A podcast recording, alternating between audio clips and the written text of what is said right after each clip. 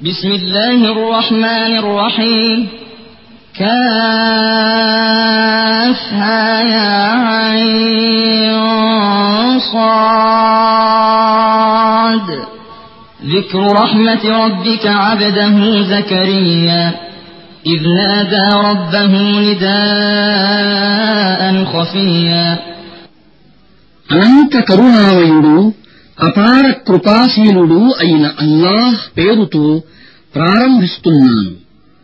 Cough హా యా ఐన్ సాద్. ఇది నీ ప్రభు తన దాసుడైన జకరియాపై చూపిన కారుణ్య ప్రస్తావన. అప్పుడు అతను తన ప్రభువునకు ఏకాంతంగా మొరపెట్టుకున్నాడు. قال رب إني وهن العظم مني واشتعل الرأس شيبا ولم أكن بدعائك رب شقيا وإني خفت الموالي من ورائي وكانت امرأتي عاقرا فهب لي من لدنك وليا يرثني ويرث من آل يعقوب واجعله رب رضيا. يا زكريا إنا نبشرك بغلام اسمه يحيى لم نجعل له من قبل سميا.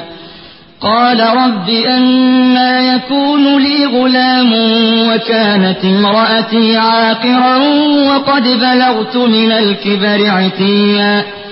قال كذلك قال ربك هو علي هين وقد خلقتك من قبل ولم تك شيئا. قال رب اجعل لي آية. قال آيتك ألا تكلم الناس ثلاث ليال سويا. فخرج على قومه من المحراب فأوحى إليهم أن سبحوا بكرة وعشيا. అతను ఇలా మనవి చేసుకున్నాడు. ప్రభూ నా ఎముకలు సైతం కుసించిపోయాయి. ముదిరి వల్ల తల నెరసి మెరిసిపోతోంది. ప్రభూ నిన్ను వేడుకుని నేను ఎన్నడూ నిష్ఫలుణ్ణి కాలేదు. నా తరువాత నా బంధుమిత్రులు చేసే చెడు పనులను గురించి నేను భయపడుతున్నాను. నా భార్య ఏమో గొడ్రాడు కనుక నీవు నీ ప్రత్యేక అనుగ్రహం ద్వారా నాకు ఒక వారసుణ్ణి ప్రసాదించు. అతడు నాకు వారసుడు కావాలి యాహూబు సంతతి వారసత్వాన్ని పొందాలి. ప్రభూ అతనిని అందరికీ ఇష్టుడైన వ్యక్తిగా చేయి. ఇలా జవాబు ఇవ్వబడింది. జకరియా మేము నీకు యహ్యా అనే పేరు గల ఒక కుమారుని శుభవార్తను తెలియజేస్తున్నాము. ఈ పేరు గల మనిషిని మేము ఇంతకు పూర్వము ఎన్నడూ పుట్టించలేదు. ఇలా మనవి చేసుకున్నాడు. ప్రభూ నాకు కుమారుడెలా పుడతాడు? నా భార్య ఏమో గొడ్రాలు. నేనా వృద్ధులనై కృషించిపోయాను. బదులు లభించింది అలాగే జరుగుతుంది. నీ ప్రభు ఇలా సెలవిస్తున్నాడు. ఇది నాకు చాలా చిన్న విషయం. వాస్తవానికి ఇంతకు ముందు నీవు అసలు ఏమీ కానప్పుడు నేను నిన్ను పుట్టించాను కదా. జకరియా ఇలా అన్నాడు. ప్రభూ నా కొరకేదైనా గుర్తును నిర్ణయించు. సెలవిచ్చాడు.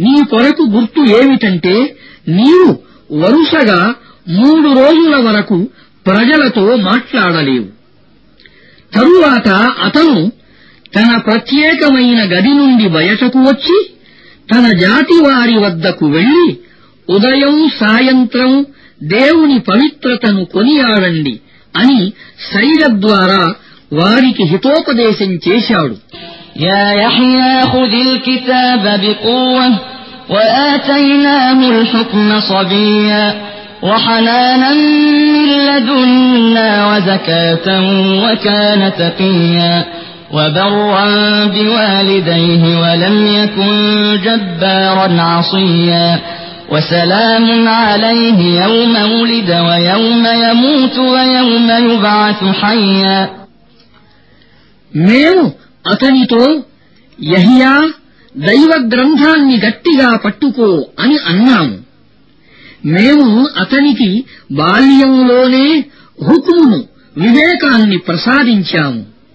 తరువాత మా తరఫు నుండి అతనికి దయాద్ర హృదయాన్ని పరిశుద్ధతను అనుగ్రహించాము. అతను ఎక్కువ భయభక్తులు కలవాడు. తల్లిదండ్రుల హక్కులను గుర్తించినవాడు.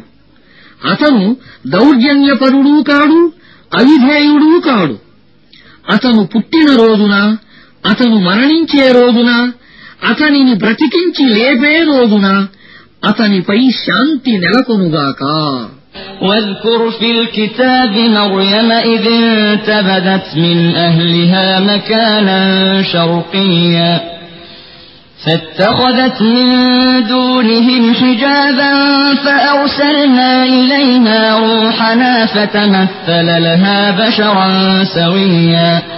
قالت إني أعوذ بالرحمن منك إن كنت تقيا. قال إنما أنا رسول ربك لأهب لك غلاما زكيا. قالت أنا يكون لي غلام ولم يمسسني بشر ولم أك بغيا قال كذلك قال ربك هو علي هين ولنجعله آية للناس ورحمة منا وكان أمرا مقضيا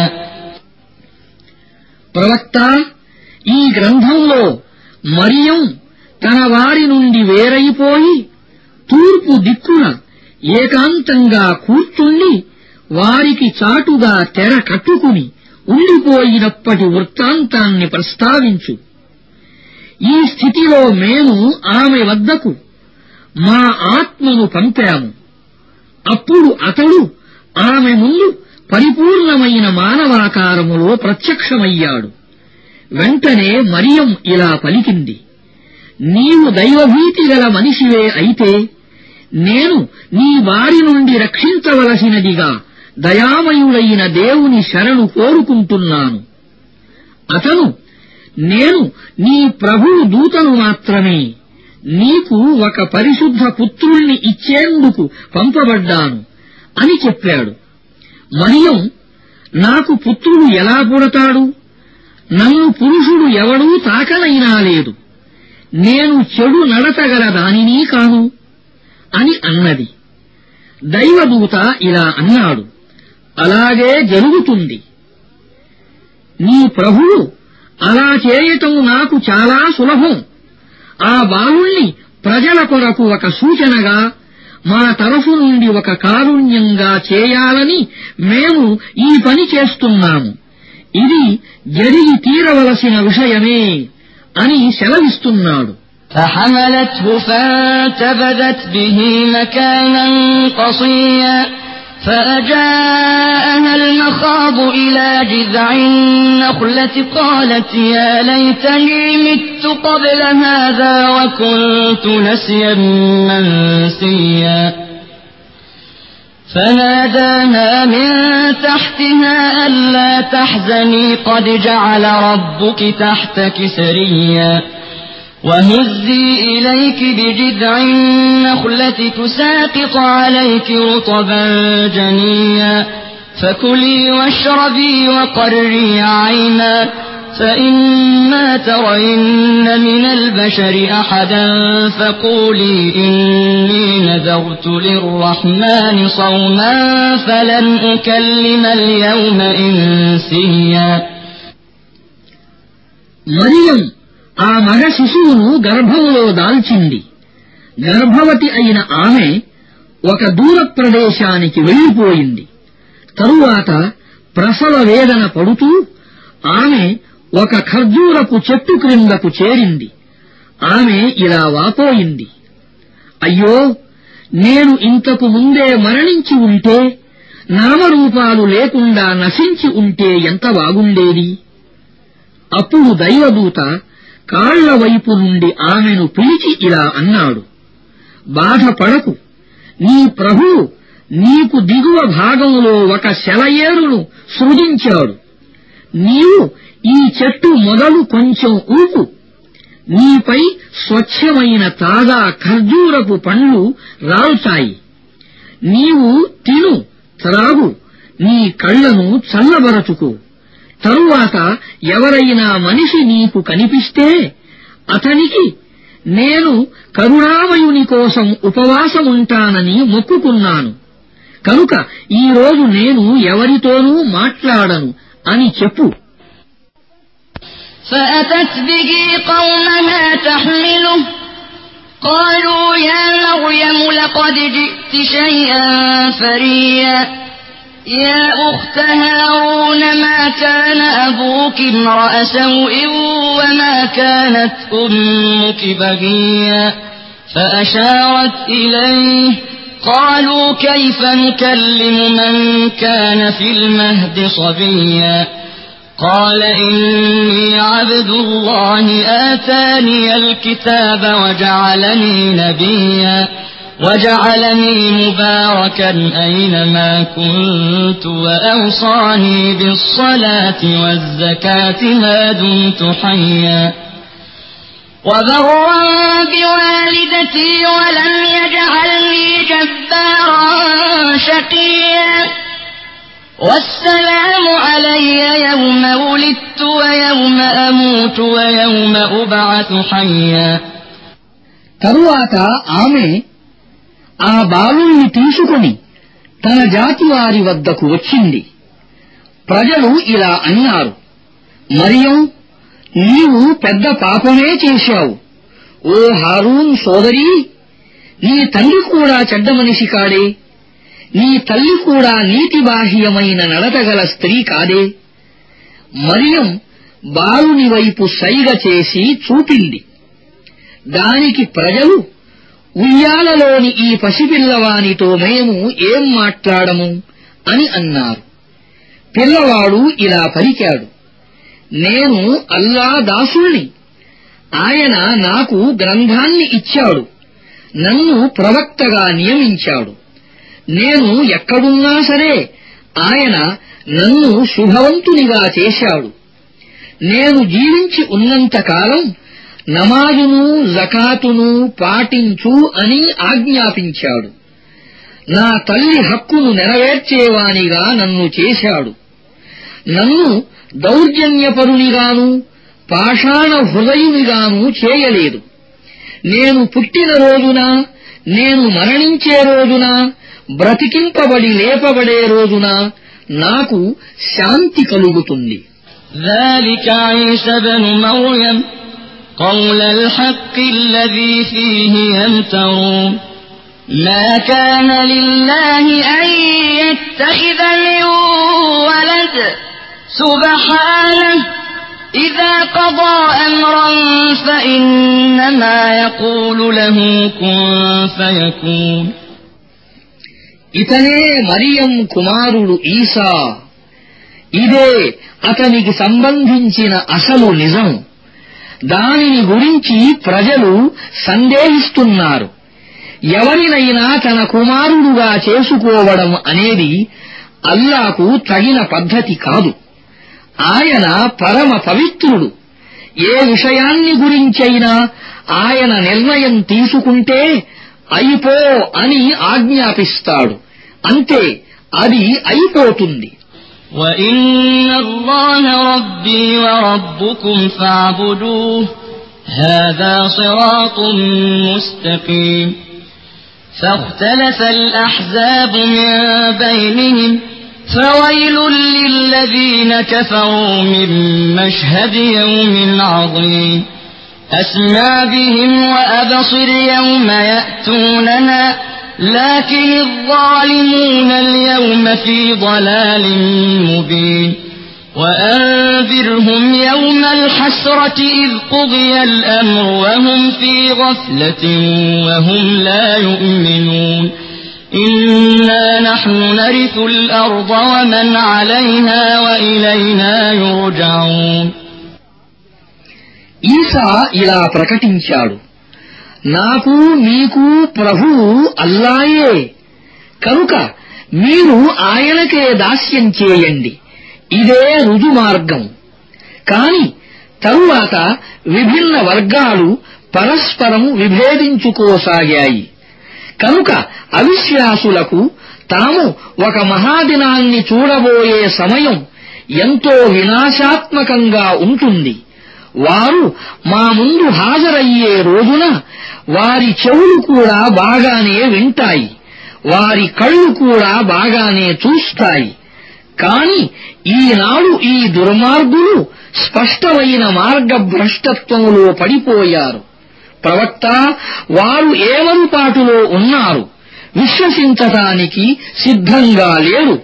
ఈ స్థితిలో వారిని దుఃఖం తప్ప మార్గాంతరమే ఉండని తీర్పు దినం గురించి భయపెట్టు చివరకు మేమొక్కరమే భూమికి దానిపై ఉన్న సమస్తానికి వారసులమవుతాము ఆపై అందరూ మా వైపునకే మరలింపబడతారు واذكر في الكتاب إبراهيم إنه كان صديقا نبيا إذ قال لأبيه يا أبت لم تعبد ما لا يسمع ولا يبصر ولا يغني عنك شيئا؟ يا أبت إني قد جاءني من العلم ما لم يأتك فاتبعني أهدك صراطا سويا. يا أبت لا تعبد الشيطان. إن الشيطان كان للرحمن عصيا. يا أبت إني أخاف أن يمسك عذاب من الرحمن فتكون للشيطان وليا. قال أراغب أنت عن آلهتي يا إبراهيم؟ لئن لم تنته لأرجمنك. واهجرني مليا. قال سلام عليك. قال سلام عليك. سأستغفر لك ربي. إنه كان بي حفيا. وأعتزلكم وما تدعون من دون الله وأدعو ربي عسى ألا أكون بدعاء ربي شقيا. فلما اعتزلهم وما يعبدون من دون الله وهبنا له إسحاق ويعقوب وكلا جعلنا نبيا ووهبنا لهم من رحمتنا وجعلنا لهم لسان صدق عليا ఈ గ్రంథములో ఇబ్రాహీము గాథను ప్రస్తావించు నిస్సందేహంగా అతను సత్యసంధుడైన వ్యక్తి ఒక దైవ ప్రవక్త. వారికి ఆ సందర్భాన్ని జ్ఞాపకం చెయ్యి. అప్పుడు అతను తన తండ్రితో ఇలా అన్నాడు తండ్రి వినలేని కనలేని మీ యొక్క ఏ పనిని చేసి పెట్టలేని వాటిని మీరు ఎందుకు ఆరాధిస్తున్నారు? తండ్రి నా వద్దకు వచ్చిన జ్ఞానం మీ వద్దకు రాలేదు. మీరు నన్ను అనుసరించండి.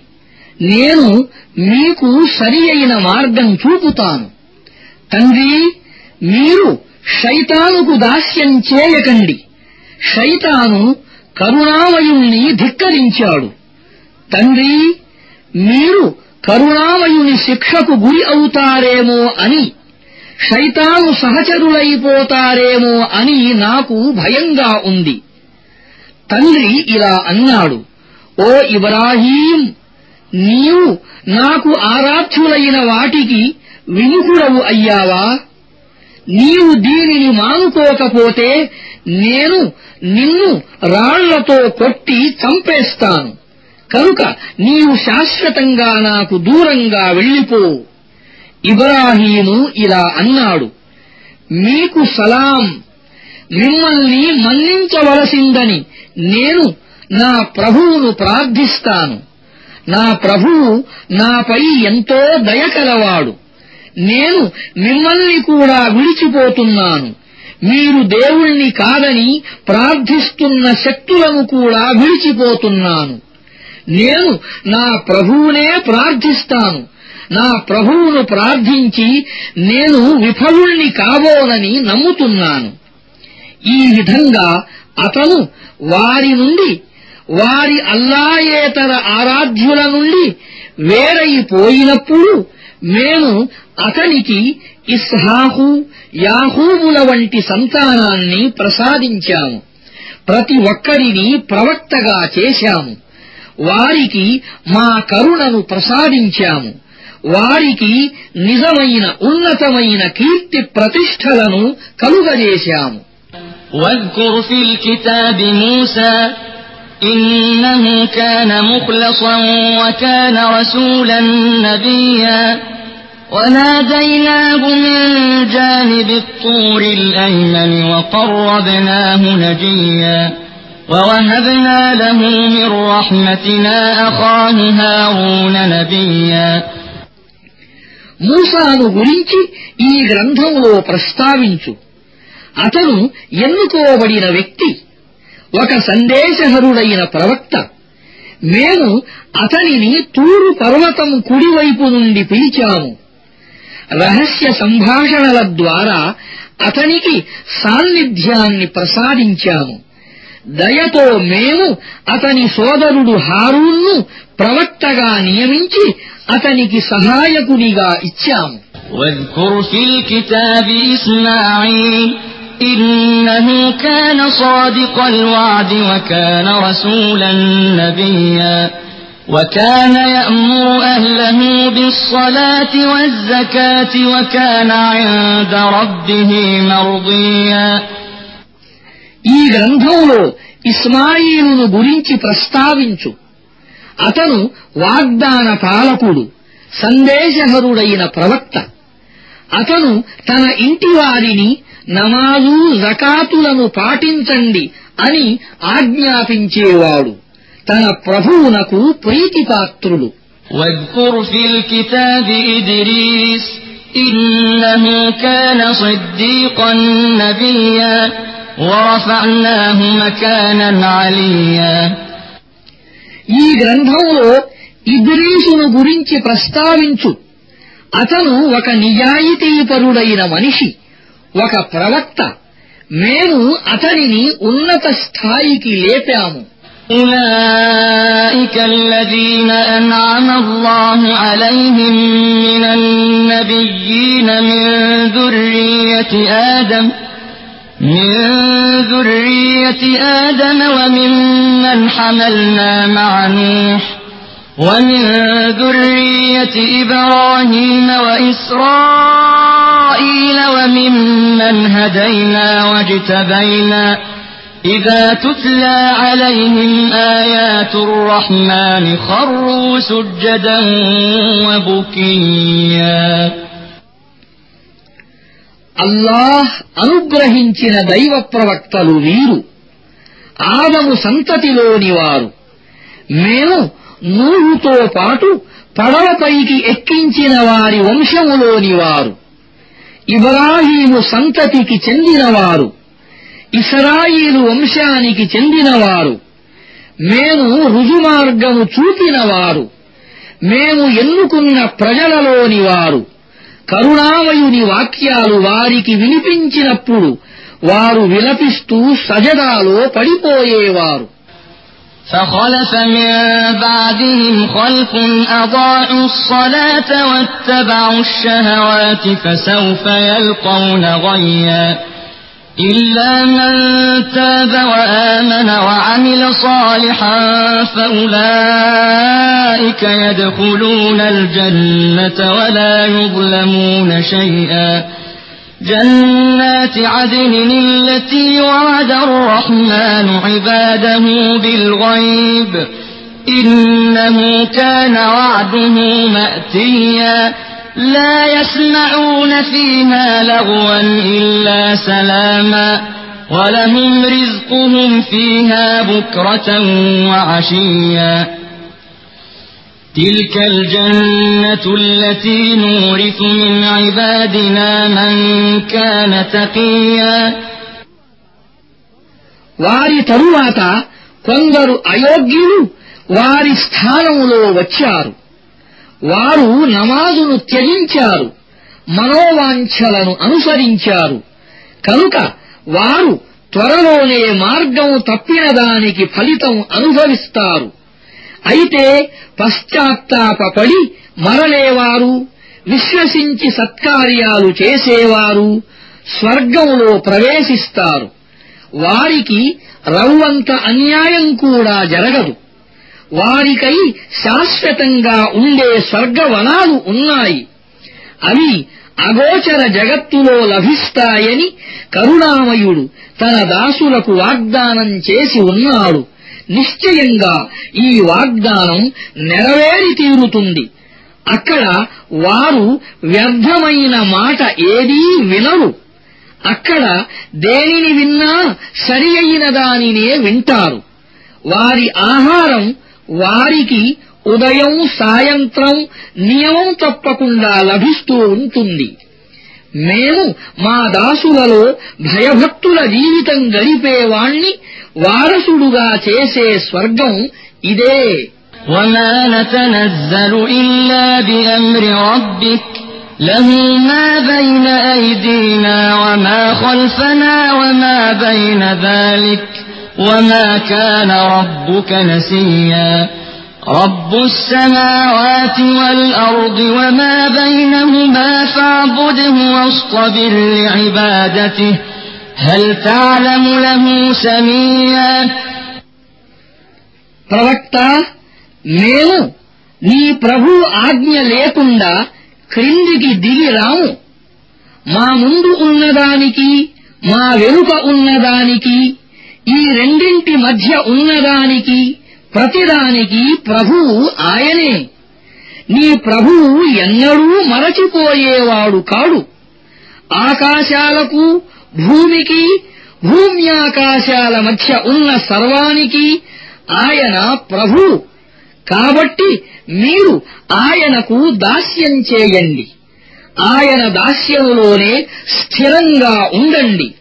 మీకు తెలిసినంత వరకు ఆయనతో సమానమైన స్థాయి గలవాడెవడైనా ఉన్నాడా ويقول الإنسان أإذا ما مت لسوف أخرج حيا أولا يذكر الإنسان أنا خلقناه من قبل ولم يك شيئا فوربك لنحشرنهم والشياطين ثم لنحضرنهم حول جهنم جثيا ثم لننزعن من كل شيعة أيهم أشد على الرحمن عتيا ثم لنحن أعلم بالذين هم أولى بها صليا وإن منكم إلا واردها كان على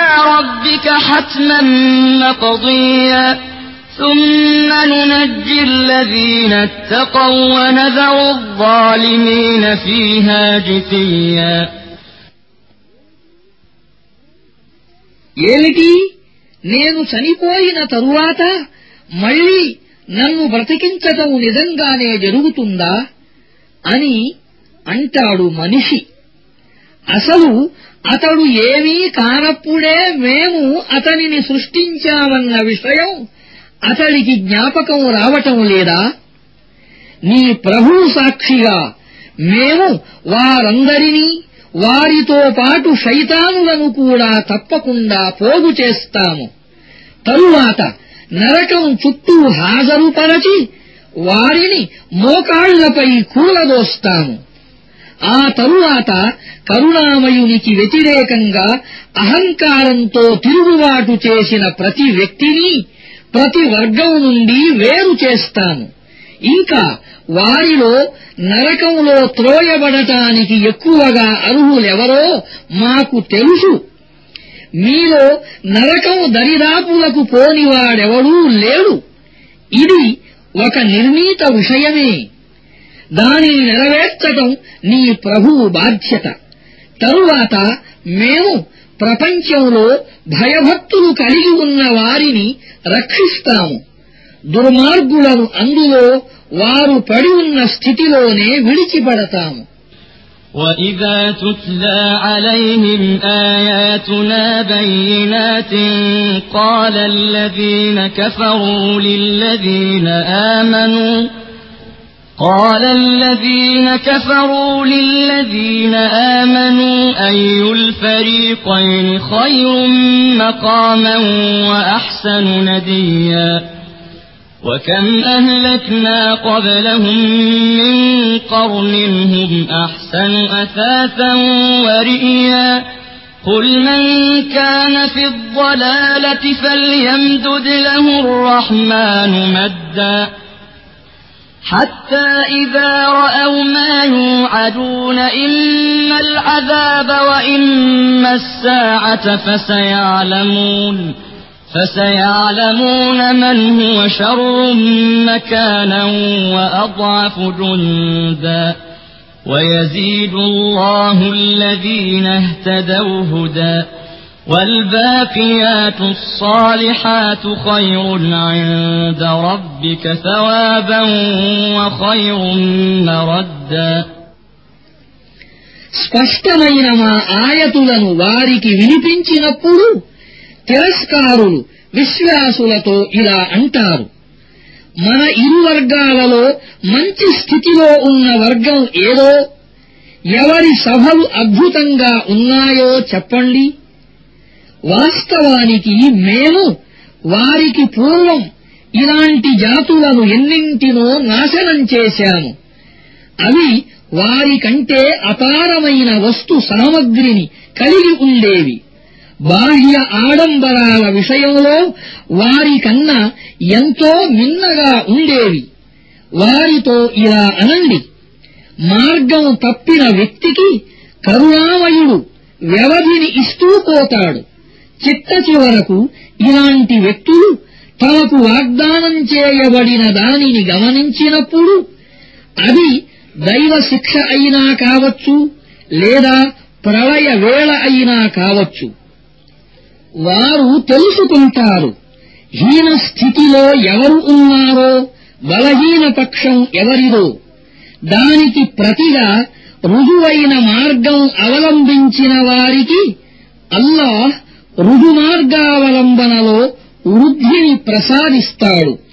చిరస్థాయిగా ఉండిపోయే సత్కార్యాలు మాత్రమే నీ ప్రభు దృష్టిలో ప్రతిఫలం రీత్యా పర్యవసానం దృష్ట్యా ఉత్తమమైనవి أفرأيت الذي كفر بآياتنا وقال لأوتين مالا وولدا أطلع الغيب أم اتخذ عند الرحمن عهدا كلا سنكتب ما يقول ونمد له من العذاب مدا ونرثه ما يقول ويأتينا فردا ఇంకా మా ఆయతులను తిరస్కరించి నేను సంపదతోనూ సంతానంతోనూ అనుగ్రహింపబడుతూనే ఉంటాను అని ప్రగల్భాలు పలికే వ్యక్తిని నీవు చూశావా అగోచర విషయమేమైనా అతనికి తెలిసిపోయిందా లేక కరుణామయుడి నుండి అతడేమైనా వాగ్దానం పొంది ఉన్నాడా? ఎంతమాత్రం కాదు అతడు వాగేదానిని మేము వ్రాసుకుంటాము. అతడి శిక్షను మరింత పెంచుతాము. అతడు ప్రస్తావిస్తున్నటువంటి వస్తు సామగ్రి మంది మార్బలము అంతా తిరిగి మా వద్దకే చేరిపోతుంది. అతడు ఒక్కడే ఒంటరిగా మా ముందు హాజరవుతాడు. واتخذوا من دون الله آلهة ليكونوا لهم عزا. ألا سيكفرون بعبادتهم ويكونون عليهم ضدا. వారు అల్లాను కాదని కొందరిని తమ దేవుళ్ళుగా చేసుకున్నారు. తమకు వారు అండగా ఉంటారని భావించారు. కాని అండగా ఎవరూ ఉండరు ఆ దేవుళ్ళు అందరూ వారి ఆరాధనను నిరాకరిస్తారు పైగా వారికి ప్రత్యర్థులవుతారు ألم تر أنا أرسلنا الشياطين على الكافرين تؤزهم أزا فلا تعجل عليهم إنما نعد لهم عدا يوم نحشر المتقين إلى الرحمن وفدا ونسوق المجرمين إلى جهنم وردا لا يملكون الشفاعة إلا من اتخذ عند الرحمن عهدا